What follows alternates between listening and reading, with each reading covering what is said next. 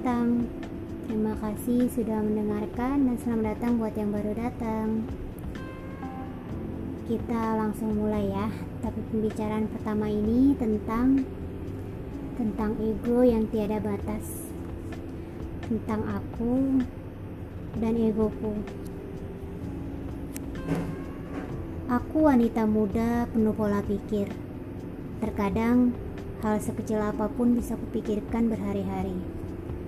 Seperti aku pernah tidak sengaja berucap, "Kamu kalau aku siram air panas gimana ya?" Pada anak kecil yang masih berusia satu tahun, yang bahkan belum mengerti ucapanku. Terdengar psikopat mungkin kata-kataku itu. Tapi sungguh, aku tidak sadar mengucapkannya.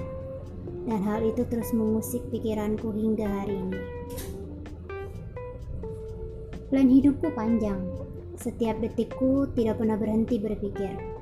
Bahkan terkadang rela kulakukan apa pun demi planku terwujud bahkan jika harus menyingkirkan cintaku.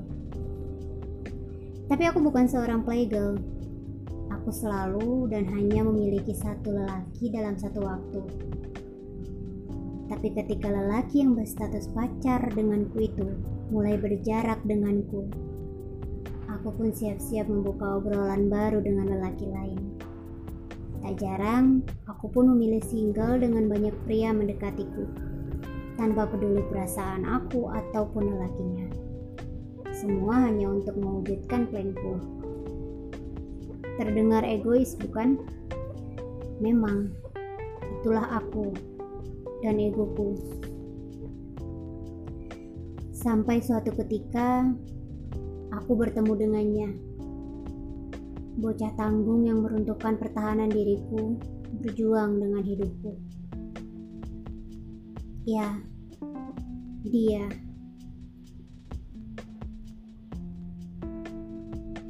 Oke, terima kasih sudah mendengarkan. Penasaran sama lanjutannya? Nyambung ke part 2 ya. Selamat mendengarkan.